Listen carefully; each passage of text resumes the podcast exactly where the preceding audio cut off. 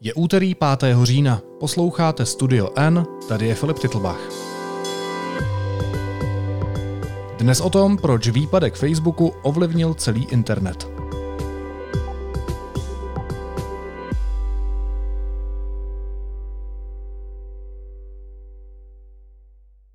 Sociální síť Facebook a všechny aplikace, které jsou s ní spojeny, Instagram, WhatsApp, Messenger a Oculus, byly včera mimo provoz od 17 hodin našeho času zhruba do půlnoci, a to celosvětově. Je to jejich největší výpadek od roku 2008. Proč k tomu došlo a co jsme se dozvěděli o fungování internetu? Hostem podcastu je vědecký redaktor deníku N Petr Koupský. Petře, vítej, ahoj. Ahoj Filipe.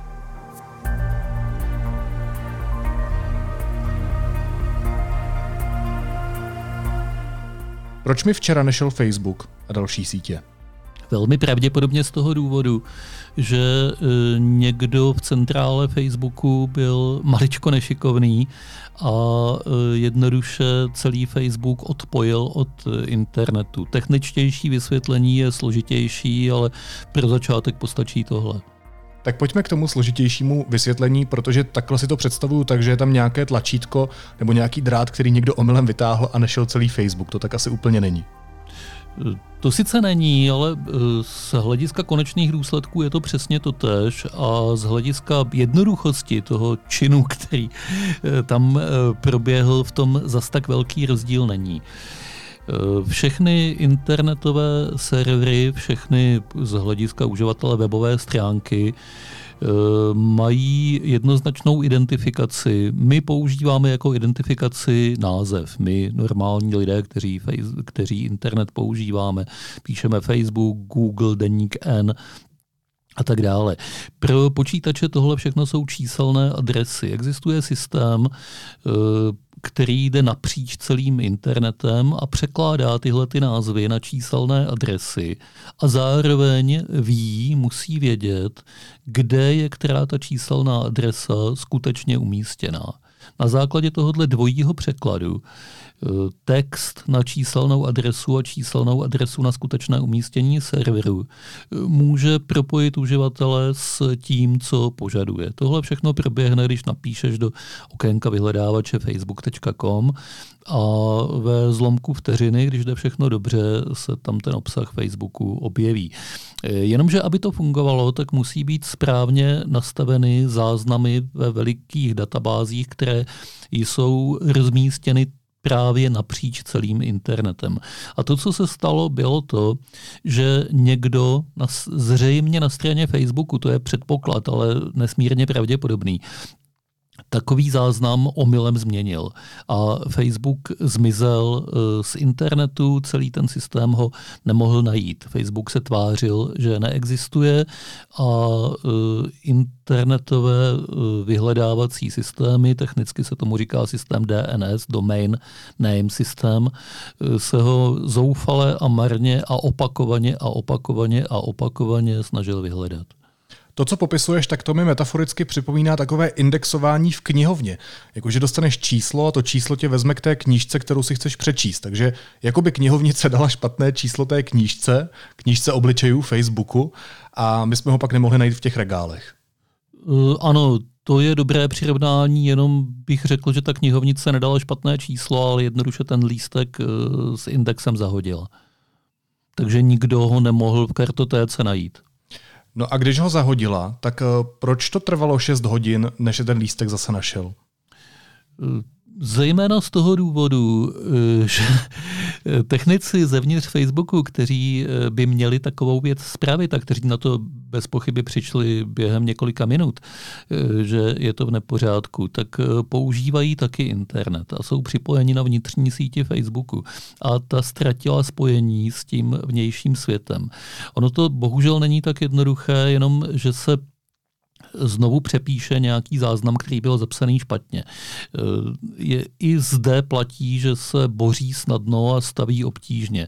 To, co se na tom staví obtížně, je napřed nějak zprovoznit improvizovaně tu vnitřní síť, aby vůbec fungovala, aby ti technici mohli do čehokoliv zasahovat.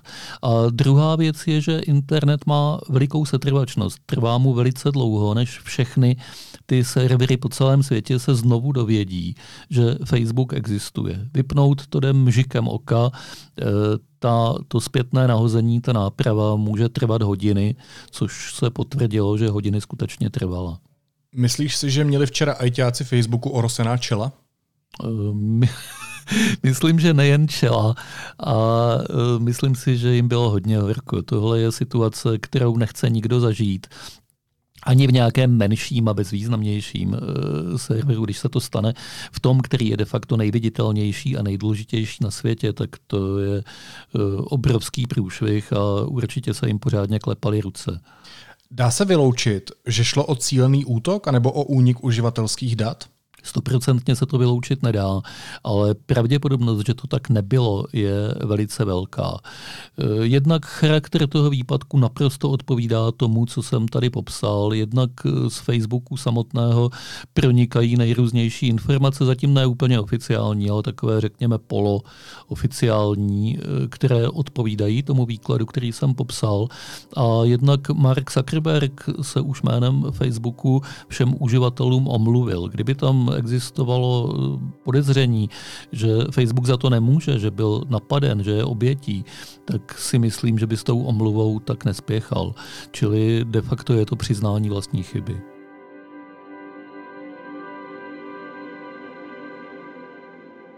One of the consequences of how Facebook is picking out that content today is that it is optimizing for content that gets engagement or reaction.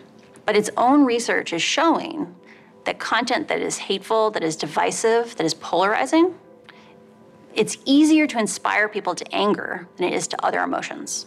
Misinformation, angry content yeah. is enticing to people and keep, keeps them on the platform. Yes. Pojďme udělat jednu odbočku, já pak vysvětlím, proč se na to ptám. Eh, výpadek Facebooku se časově skoro, téměř, překryl se zveřejněním odhalení jeho bývalé zaměstnankyně Francis Hoganové. Jaké nepříjemné informace ona odhalila? Přesněji řečeno, ono je to tak, že to její odhalení už eh, přišlo eh, před nějakou dobou. To, co eh, se teď stalo, bylo, že vystoupila v velice sledovaném spravodajském pořadu americké televize CBS 60 Minutes, čímž se to její sdělení asi dostalo k mnohem širší veřejnosti než předtím. A co odhalila je to, že vlastně nic překvapivého, když se nad tím zamyslíme. Eh, odhalila to, že Facebook na venek říká, že intenzivně bojuje s dezinformacemi a s tím, co může rozeštvávat lidi a pobízet k násilí a k nenávisti, ale ve skutečnosti, že e, proti tomu nedělá téměř nic, protože většina e, těchto projevů mu zvyšuje sledovanost, zvyšuje zájem o něj. A to je z hlediska Facebooku to prvořadé, čili ten jeho boj proti dezinformacím není míněn ani zdaleka tak upřímně, jak se vedení Facebooku tváří. Tohle sdělení pro lidi, kteří se pohybují uvnitř oboru sociálních sítí, není příliš překvapivé. Pro širokou veřejnost může být eh, významným odhalením. Facebook has realized that if they change the algorithm to be safer, people will spend less time on the site, they'll click on less ads, they'll make less money. No a proč se na to ptám? Dá se vyloučit, že toto žádným způsobem nesouviselo s tím výpadkem Facebooku včerejším? Kdyby to mělo souviset, tak by to musela být nějaká cílená sabotáž, která by pravděpodobně musela přijít zevnitř. Tohle se vyloučit nedá, ale zase eh, pravděpodobnost toho asi není příliš velká. Nicméně s definitivním závěrem budeme muset počkat a není taky vyloučeno, že se ho nikdy nedozvíme. Ty jsi říkal, že výpadek Facebooku má svoje dopady, má docela velké dopady. Jak se ten výpadek projevil na akcích Facebooku? Pokud vím, tak akcie Facebooku klesly téměř o 5%, což při obrovské tržní kapitalizaci této firmy jsou nesmírně velké peníze, ale k podobným událostem už došlo v minulosti a řekl bych, že to byla i vítaná spekulační příležitost pro ty, kteří zareagovali rychle, aby ta akcie nakoupili, protože oni se bez pochyby vrátí ke své původní hodnotě. Facebook bez ohledu na to, co se stalo, je strojkem na peníze a svým investorům pilně vydělává. Čili není žádný důvod očekávat, že ty akcie zůstanou eh, na tom sníženém kurzu. Já jsem říkal, že naposledy měl Facebook takhle velký výpadek v roce 2008. Co se stalo tenkrát před těmi 13 lety? Něco velice podobného. Došlo tam taky k chybě obsluhy, která nastavila nějaké hodnoty v konfiguračních tabulkách, což je odborný výraz pro to, co Eh, se teď asi nepovedlo eh, špatným způsobem. A Facebook zcela podobně jako teď zmizel z internetu. Podstatný rozdíl byl v tom, že tehdy měl nějakých 80 milionů uživatelů, dneska má 3 miliardy, čili těch lidí, kterých se to dotklo, je nesrovnatelně více. Čeští uživatelé měli ještě navíc problémy s mobilní i pevnou sítí Vodafonu a UPC, což je firma Vodafonu. Souviselo to nějak s těmi problémy Facebooku? E, souviselo, přestože je to skoro k nevíře. Já jsem e, večer přišel domů a tam na mě očekávala nastražená rodina, abych jí vysvětlil, proč e, nejenom nefunguje Facebook, ale proč nám nefunguje ani doma internetové připojení přes UPC. No a jestli to může souviset, já jsem říkal, to je nesmysl, to musí být náhoda, tam není e, žádný způsob, jak by to technicky souviset mohlo. Když jsem to pak začal zkoumat, tak jsem zjistil, že se hrubě pletu a že to skutečně souvisí. A to tím způsobem, že uživatelé e, sítí Vodafonu e, a všech ostatních sítí jiných operátorů taky. E, neustále zjišťovali, jestli ten Facebook už je v provozu. Neustále posílali marné dotazy na to, jestli už Facebook jede. Vyťukávali do prohledávače Facebook anebo spouštěli příslušnou mobilní aplikaci. A když je toho příliš mnoho, tak ono totiž vyřešit ten dotaz e, na server, který neexistuje z hlediska internetu, je časově mnohem náročnější, než vyřešit dotaz na ten, který existuje existuje. Takže eh, hledáním neustále opakované odpovědi, eh, která nebyla k dispozici, se eh, sítě mobilních operátorů zahltily. A ta síť Vodafonu se ukázala z nich jako nejslabší a složila se. Ostatní sítě se zpomalily, tahle na několik hodin přestala fungovat. A skutečně to bylo v důsledku výpadku Facebooku, což je něco, co je z hlediska fungování sítí zvláštní, ale když se to domyslí, tak vlastně logické a zřejmě to není naposled, co jsme něco podobného zažili. No, takže jinými slovy říkáš, že i když ta síť poskytovatele připojení není nijak žádným způsobem přímo propojena s tím globálním sociálním médiem, jako je Facebook, tak stačí jedna malá věc a zhroutí se obrovská masa. To je trochu efekt motýlých křídel, ne? Že malé změny můžou mít eh, za následek ty velké variace v tom delším průběhu. Stačí jedna malá věc, když je to Facebook nebo něco podobně velkého. Kdyby to byl Google, patrně by to dopadlo stejně.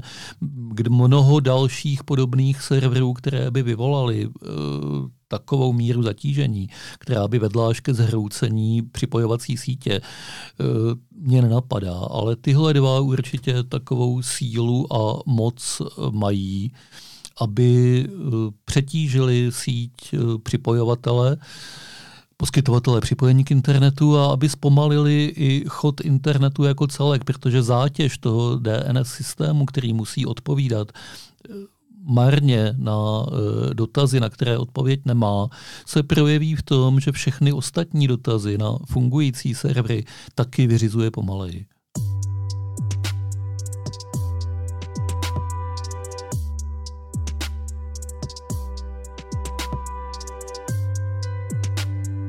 Co celý ten výpadek říká o internetu? Především to, že je zranitelnější, než si většinou myslíme. Internet většinou funguje dobře. Nemáme si na co stěžovat, samozřejmě nadáváme na to, že je pomalý a že by měl být rychlejší. Nikdy není dost rychlý na to, abychom s ním byli spokojeni, ale v zásadě počítáme s tím, že takové služby, jako je Facebook, Google, Twitter, Amazon, Apple, eh, budou eh, dostupné kdykoliv a v každém okamžiku. A oni taky většinou jsou. A když se jednou stane, že nejsou, tak to vypadá jako menší konec světa. Lidé jsou zděšeni, co se vlastně děje, jestli se neděje něco zásadního nejenom s Facebookem, ale se světem, jestli někde nevypukla válka nebo něco na ten způsob, protože si nedovedou představit eh, žádný menší důvod, který by k, tak, eh, k takovémuhle problému vedl. Čili to je první poučení. Internet není spolehlivý, jenom eh, my máme tuhle iluzi a ta se může kdykoliv zhroutit. Může se zhroutit internet jako celek? Můžou v reálném světě nastat takové podmínky, aby se to stalo? Můžou.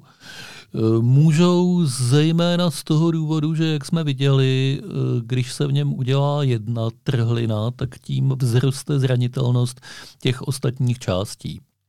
Čili výpadek několika velkých serverů typu Facebook, nikoli jenom toho jednoho, by asi vedl k obrovskému přetížení. Kromě toho bez Facebooku se dá nějakou dobu žít, byť mnoho lidí na to má psychickou závislost a bylo to pro ně velice nepříjemné. Facebook, Instagram, WhatsApp, najednou dohromady, to je moc na eh, mnoho lidí, na jejich psychiku. Ale kdyby se zhroutil třeba Google, který eh, plní funkci primárního vyhledávače, tak eh, si myslím, že by ta odezva, ta panika byla daleko větší. Kdyby se zhroutily velké mailové systémy, tak eh, by taky z toho byla silnější odezva která by vedla k ještě většímu zahlcení a k tomu, že velká část internetu by efektivně za to přestala fungovat. Takže ano, netvrdím, že na 100% celý internet, ale většina jeho užitečných funkcí, které denně používáme, by opravdu mohla na nějakou dobu pro nás přestat existovat. Já půjdu ještě o krok dál. Když přistoupíme na tuhle apokalyptickou představu, tak co by se stalo, kdyby se zhroutil internet? Jaké by to mělo dopady na lidstvo a na jeho fungování? Záleží na tom, na jak dlouho. Já si myslím, že nějakých 24 hodin bychom to se skřípajícími zuby vydrželi, ale rozhodně by se to projevilo na mnoha věcech, které nás dneska ani nenapadnou, protože přes páteřní internetovou sítě toho připojeno mnohem, mnohem víc, než to, že si klikáme na Google a na Facebook. Tímhle způsobem jsou propojeny mnohé průmyslové systémy, tímhle způsobem jsou často bez dodatečného jištění připojeny bankomaty грамоты, na internetu toho prostě jede velice mnoho a ne všechno souvisí s tím, že to používají lidé. Používají to často stroje ke komunikaci mezi sebou, čili vlastně museli bychom počkat eh, a teprve pak bychom viděli, co všechno by se zastavilo a přestalo fungovat. Já si myslím, že by toho bylo nesmírně mnoho a že by se celá moderní civilizace šredně zadrhla na nějakou dobu. Ale jak říkám, kdyby to bylo tak 24 hodin a spravilo se to, tak na to budeme ještě dlouho vzpomínat, ale v zásadě bychom z toho vyšli bez velkých škod. Kdyby to byla delší doba, tak si myslím, že by to vedlo vysloveně ke společenskému rozvratu, při nejmenším v bohatých západních zemích, které využívají internet velmi intenzivně. Co myslíš tím společenským rozvratem? Myslím tím eh, veliké eh, znejistění eh, velké části obyvatelstva, co se vlastně děje, dost možná nepokoje, dost možná rabování, pokud by nefungovaly platby a obchody nemohly prodávat, co já vím. Já si myslím, že ta závislost na internetu, jak faktická, čili dostupnost služeb, tak psychická, čili ten pocit, že jsme neustále připojeni, je větší, než si vůbec uvědomujeme, že zatím to nikdy nebylo vlastně pořádně otestováno, co se stane, když internet nebude. A moc bych u toho testu nechtěl být přítomen pokud ano, tak někde v bezpečí na venkově, daleko od města, daleko od lidí.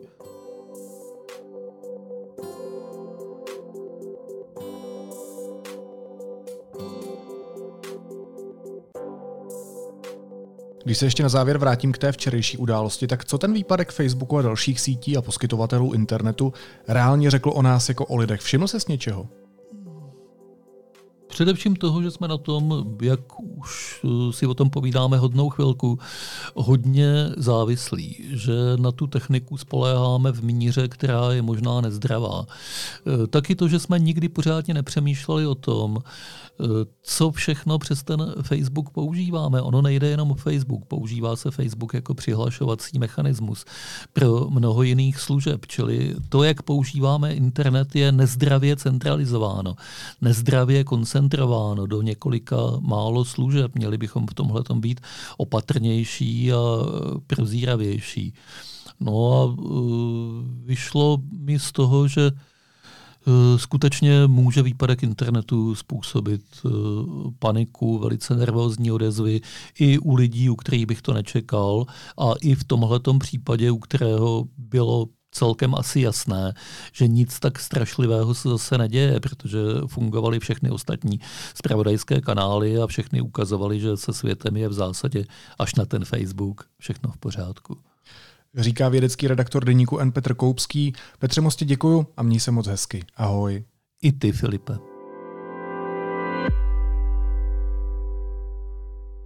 Následuje krátká reklamní pauza. Za 15 sekund jsme zpátky.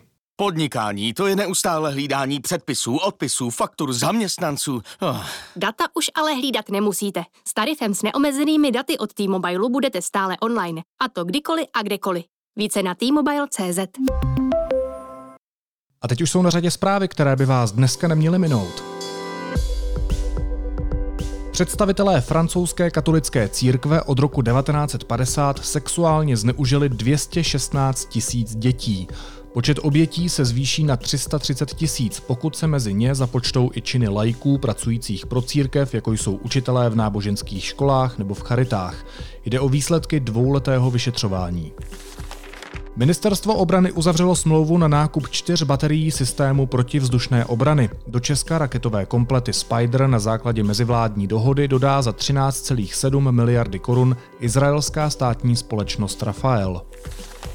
Evropská agentura pro léčivé přípravky schválila podávání třetích dávek vakcíny proti COVID-19 od firmy Pfizer. Takzvanou posilovací dávku lze podle unijního regulátora zvažovat u lidí starších 18 let, a to 6 měsíců od druhé dávky. Lidé, kteří jsou v karanténě kvůli covidu, budou moct ve středu hlasovat ve volbách do sněmovny z auta na jednom z 81 míst v Česku. A bývalý prezident Václav Havel by dnes oslavil 85. narozeniny. Dramatik, esejista, dizident a kritik komunistického režimu zemřel v roce 2011.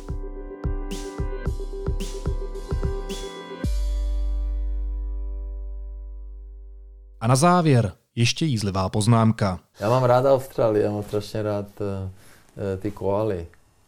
A když tam byly ty požáry, tak já jsem tam i poslal dost velkou sumu jako na podporu koal. Já jo. mám strašně rád, no. I, co, i klokany. Co to je strašně velká suma? Ne, to nechci říkat. Víc než 100 tisíc? Jasně. Víc než milion? No, akurát. Zvláštní. Koaly má rád, ale koalice, ty mu vadí. Naslyšenou zítra.